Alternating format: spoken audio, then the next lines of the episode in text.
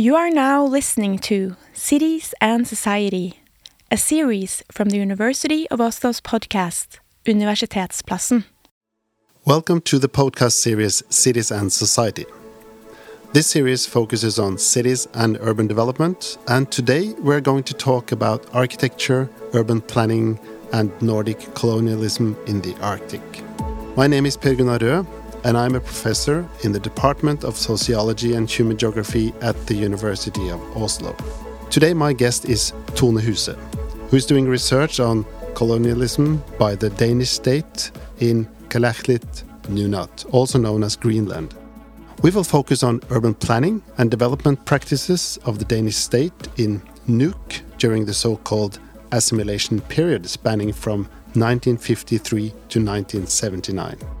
Tone Huse is Associate Professor in Department of Archaeology, History, Religious Science and Theology at UiT, the Arctic University of Norway.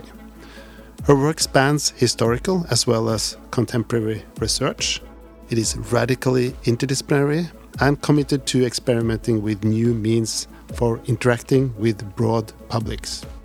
Huse is the author of the book Everyday Life in the Gentrifying City from 2014, and she has co authored the book Nature Made Economy, Cod Capital, and the Great Economization of the Ocean, which is being published in 2023. So, I would first like to know a bit about the story behind your research. Uh, what led you to do research uh, in Kalaallit? Nunaat? Uh, I guess it started in around 2010, 2011, uh, when two Tromsø-based architects, uh, Knut Eirik Dahl and Kjerstin Uhre, they had been commissioned by Sermersooq municipality, which is also the municipality where Nuuk is, uh, to make a new urban plan for Nuuk. And they were working on this plan and they asked me to consult on the social implications of the ideas that they were working with. And so I started to look at their uh, material, including uh, interview material from workshops that they'd held in Nuuk and different drawings and, and so forth, and became really, really interested in this city, um, much because it's a city where the political and the urban are very, very closely connected. And that's an interest that I've had for a long time also in my own research is how the political is expressed through molded uh, and so forth uh, in the city, because I find the city is one of the sort of social forms that gives us the most interesting take to studying the political. And in Nuuk, these connections are, are very, very uh, strong. Could you give us a bit of background information about uh, the city, Nuuk, and Kalaallit Nunaat, uh, for example, population of the city, uh, and the country as a whole? Well, the country as a whole is the world's biggest island, uh, and it's got several cities and smaller villages. Nuuk is by far the largest. It has a population of 18,000 roughly. The country has a population of roughly 56,000. And Nuuk is a rapidly growing city. So if you go there today, you'll see that there are building cranes all over. A new international airport is being built. The harbor was recently uh, rebuilt so that it is got a much larger capacity. There are plans for a lot of uh, tourist hotels, base camps in the Nuuk Fjord, and so forth. So it's it's a city developing very rapidly, and it's also home to uh, Ilisimatusarfik, which is the University of Greenland, uh, and the Parliament. So it's got a very strong urban character, despite it being in an international scale small city. It it it, it rooms a lot. Could you say something about the history of uh, Kalaallit um, especially the role of Denmark as a colonizer and uh, an agent for modernization? Uh, and uh, what was the role of urbanization in this process uh, of uh, modernization that the Danish uh, state took on? Well, I guess we can start with the part of that history that we are also, as Norwegians, complicit in uh, because uh, Nunaat was uh, colonized by Denmark Norway. And it was a Norwegian priest, Hans Egede, who very much eager for this colonization to happen. his motivation, or at least his stated motivation, was to Christian the indigenous Inuit population. Uh, but he was also funded by merchants from Bergen, which then indicates that there was a commercial interest in Norway uh, for colon colonizing uh, And of course, there's an older history of colonialism here as well that sort of links back to the Norse. Um, and so when then Hans Egede went over uh, to to uh, the area around Nuuk uh, in 1721, he first established one so-called colony, which they called the settlements that they established. They were colonies. So he established one first further out in the Nuukfjord, and then in 1723 he established the colony Godthåb, uh, which is where Nuuk is situated today. But then Nuuk was already uh, an area that was used as a place of dwelling, especially in the summer, where it was very good hunting grounds and for trade and so forth. So he, he followed the Inuit in a sense in, in, in selecting Nuuk as a place of dwelling. And then in the years following that and up until 1953, Denmark led a quite sort of strict isolationist policy towards Kalaallit Nunaat. Uh, and there were several motivations for this, but one of the motivations was that Denmark was trading with the Inuit, buying from them hides and and different sort of materials from animals, narwhal tooth being very popular. Uh, the Danish king made himself an entire throne of narwhal tooth. Um, and the Danish had this idea that for the Greenlander uh, to to to preserve his hunting skills, he he should be protected from the taint of modernity in a sense, so that to keep Kalaallit Nunaat uh, isolated would also preserve the skills that they needed for this trade to continue. Or That was the idea. Um, and then in 1940, when Denmark was occupied by by Germany, uh, the connection between the colonial power and, and the colony was severed, and so the Landsråd uh, in in in Kalaallit Nunaat, the representatives from the Landsråd, which were democratically elected, uh, connected with uh, sort of stranded Danish diplomats in the United States, and thereby established uh, trade relations and um, Kalaallit Nunaat actually uh, exited World War II with a trade uh, surplus. And in this period, the population also got access to a lot of consumer goods that the Danish had previously denied them, thinking that these goods would not be good for them to have. So there was a very sort of strong will to to increase self-governance uh, and to to take steps towards modernizing one's own country uh, when the World War ended, and so with a lot of optimism, one one approached Copenhagen uh, and and was met then with still a lot of years of continued isolation then up until 1953 so eight more years uh, followed before one actually made the transition from uh, a colony to an amt uh, or a, a, county. And this was then also much due to the pressure from the United Nations, which was pressuring all colonial powers to give up their colonies in this period.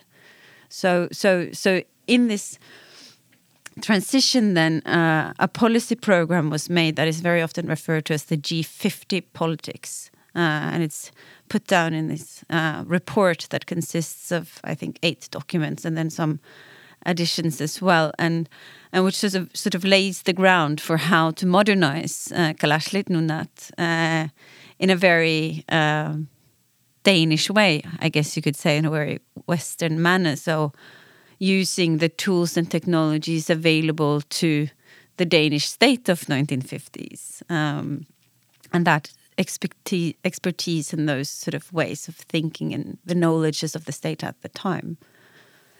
So, um, so then there was a shift in uh, policy towards uh, Kalaallit Nunaat. Um, uh, what role did uh, urban planning have uh, in that uh, um, shift in policy, and uh, how did how was urban planning part of the modernization? Uh, so-called modernization of uh, the country?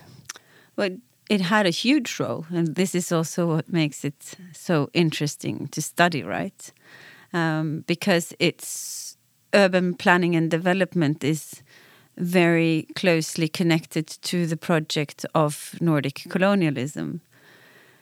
And what's also important to say about this period that followed from 1953 is that despite claims made on behalf of the Kalaallit uh, and and uh, also stated aims in the Danish policy that uh, that Kalaallit would now have increased influence over the development of their own country. This did not happen to a very large extent. So the the the power to to to sort of design this modern new Greenland, uh, as it was thought about, uh, was was uh, firmly placed in in Copenhagen and and in Denmark. Um, so this is also why the Reconciliation Commission of Greenland calls this period from 1953 up until 1979 that year being chosen because that's when home rule was implemented uh, is is referred to in this report as the assimilation period uh, and and and the urban policies were very instrumental of uh, pushing forward this assimilationist modernist program. And this is also very much that that urbanization and urban politics was so um, central in this is connected to the economic policy. For the idea behind the modernization program was to make Kalaallit Nunaat or Greenland, as it's sort of called in these documents, economically independent. Uh, and the idea was that for it to be economically independent, it needed a, a modern industrial economy uh, with uh, modern fisheries and fish factories being the backbone of that economy.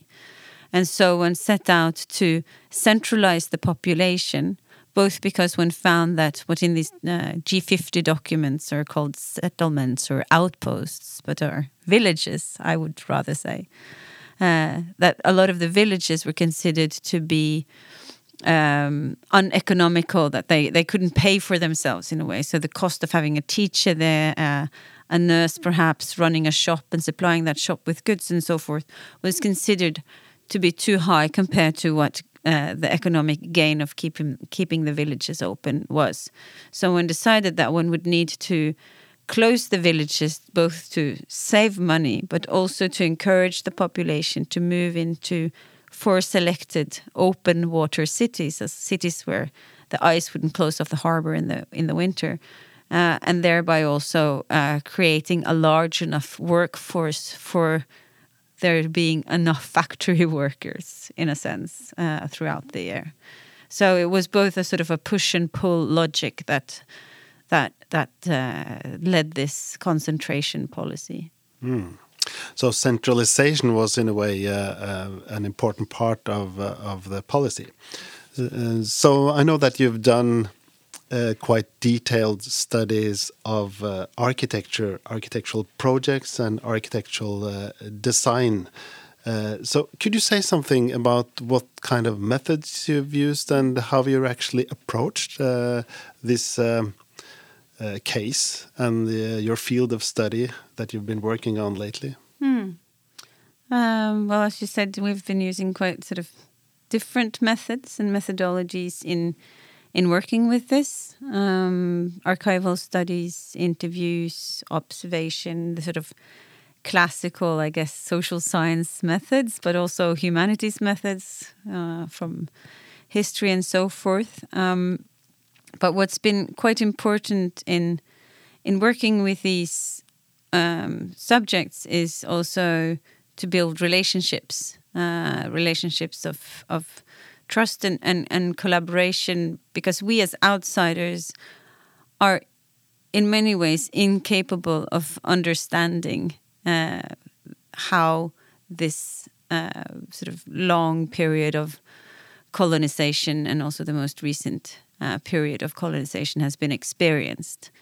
Uh, that is not something that is up to us to describe. It's not a truth that we can establish. Uh, and so uh, it's very important for us when we work in, in to sort of be learning from and learning with uh, people that we meet there, be it scholars, artists, or other citizens.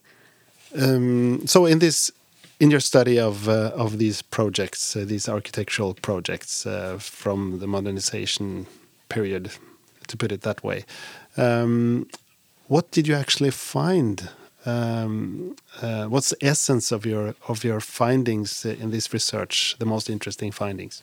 Oh, it's, a, it's a difficult question, and also because I don't really like the word findings, uh, because it sort of it, it, sort of situates me as the sort of uh, discovering uh, discovering uh, researcher, right? Um, but I guess what I'm learning more and more is uh, about the the character of Nordic colonialism, uh, how that is unique in its own right, and how that uniqueness is very much connected to this being a colonialism carried out by a welfare state.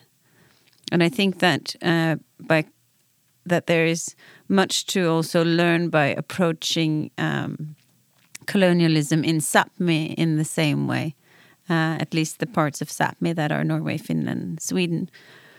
Uh, for there is a very sort of strong intimacy in the way that the state, the welfare state, approaches its colonial subject through health, education, housing, and so forth. It's a very sort of all encompassing, everyday colonialism. So I guess what I'm trying to learn from Nuuk uh, is how the the policies of urban planning and development, and especially those connected to housing, uh, have been part of the colonial project, and how the one and same sort of building design that, in the context of Oslo or Copenhagen, would represent social housing and part of the labor movement and so forth. That same exact same type of housing in Nuuk, it takes on a very different meaning.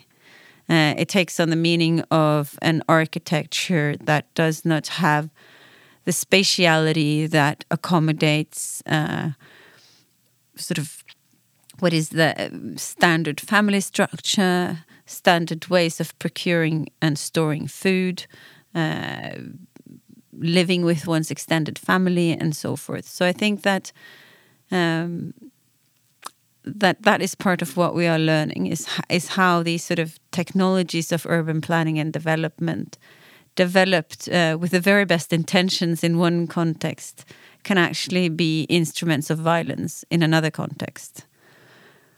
So so that is part of what we are learning. Um,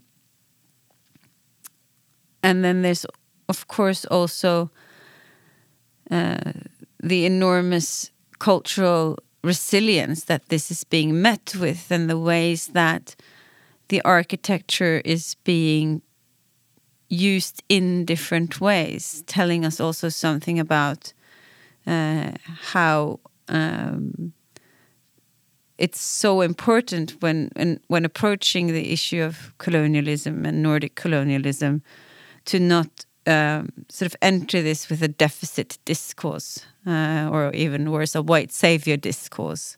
Sort of the, the, the white Norwegian woman going in to describe Kalaallit Nunaat and all its its sort of sorrows, but rather to be on the lookout for strength, resilience, and so forth, uh, and and finding that there's there's much to learn from from how these architects have been met and lived with, and so forth.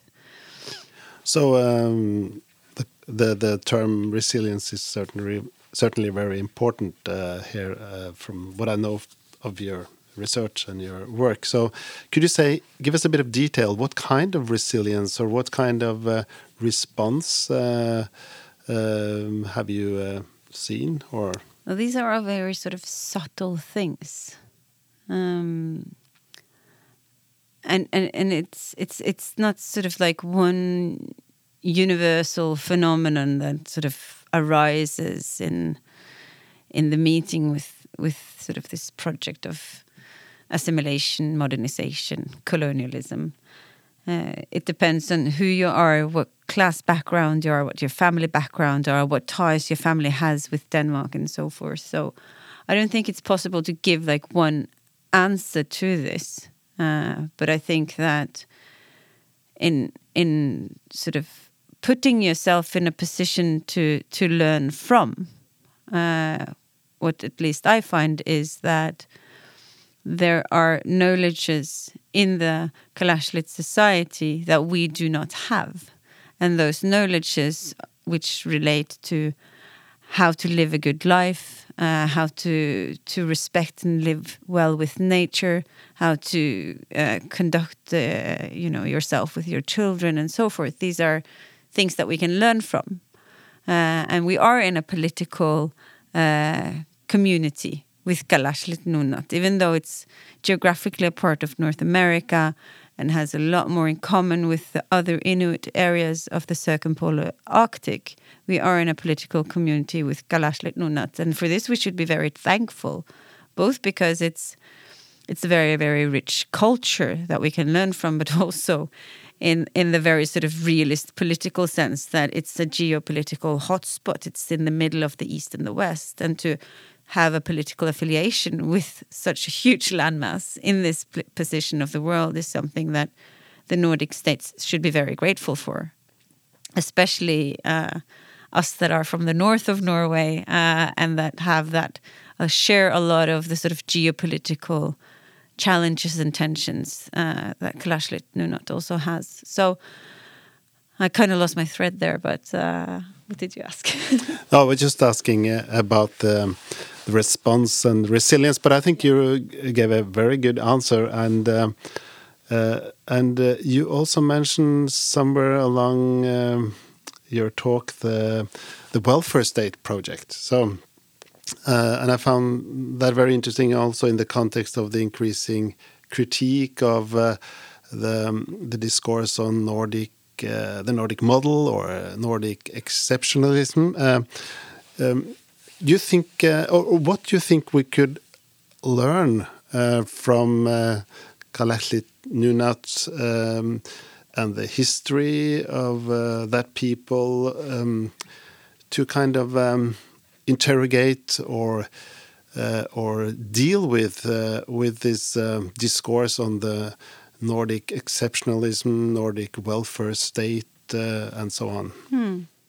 Another big question. Um, I think that well, I think that one of the things that we can learn is to not consider ourselves as natural and neutral, which I think we tend to do in in the Nordic countries, and we tend to also be quite smug it's sort of like, haha, look at the rest of the world. They have to pay for going to the hospital and to school and university, and haha, we're so happy. We're on the top of all the happiness indexes. We must be doing everything right and everybody else doing everything wrong, right?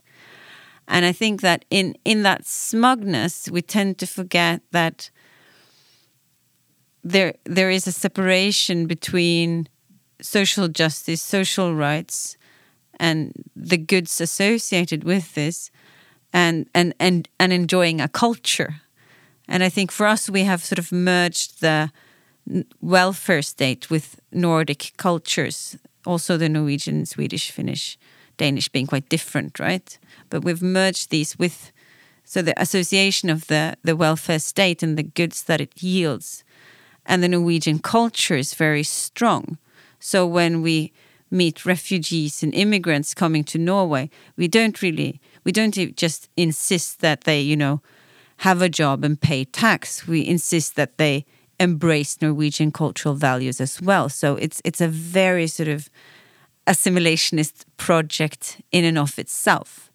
And I think that to see how that state and how the welfare state has sort of played out in a context of colonialism can teach us quite a lot about how we act in that respect and help us sort of denaturalize and and and and and sort of uh, decenter uh, our own culture as uh, superior because I think that's that would be very healthy for us. This is certainly an interesting and important way of looking at the welfare state and the so-called Nordic exceptionalism. Well, thank you. Yes, uh, I hope so. Uh, and we're also actually doing a panel on it at the Nordic SDS conference of 2023, which will be organized here at the University of Oslo in in June. So those who are interested in either contributing with papers for this or um, listening in are most welcome to drop by. That was a good teaser for something that seems to be a very good arrangement. Yeah. So at the end here, I would like to come back to architecture. And um, I would like to ask you, what have you learned about architecture um, during your work in Nuuk? First of all, I guess I've learned that architecture, or architectures, actual architectures, are a very sort of interesting sort of prism or lens to to enter uh, or to approach the the social with, uh, both in that they they come about through these very specific tools and technologies, which again are tied into wider apparatuses, be they political markets and so forth. So. So, so to, to sort of study in depth specific buildings or expressions of architecture can teach us a lot about what types of knowledge and expertise it is that is is molding a society at a given time. And then to enter these buildings as lived reality, we learn so much also about how these sort of solidified forms, giving a durability to the expression or uh, assertion of these specific knowledges and expertise, how they are actually encountered and lived with in the everyday, and so also how they script the everyday, but also how the practices of the everyday might work to resist and and and challenge uh, what these architectures are intended to be and do. So I find that sort of architecture as an object of study is immensely rich uh, and can teach us about sort of uh, so social processes and material processes in in in the span of sort of the, the micropolitics of of the everyday to to the more sort of large processes of, of states and, and parliaments and so forth. Thank you, uh, Tone. I think this um, may give hope for a more contextualized architecture as well. Thanks a lot for coming to us and for sharing your work and your thoughts with us, Tone Huse. Thanks for having me. You've been listening to the fifth episode in the podcast series Cities and Society. And I've been talking to Tone Huse about architecture, urban planning, and Nordic colonialism in the Arctic. Please stay tuned and follow our podcast series. Cities and Society is a series from the University of Oslo's podcast Universitetsplassen and is based on a seminar series from the Department of Sociology and Human Geography. Find us on Facebook, our website at uio.no, and wherever you get your podcasts.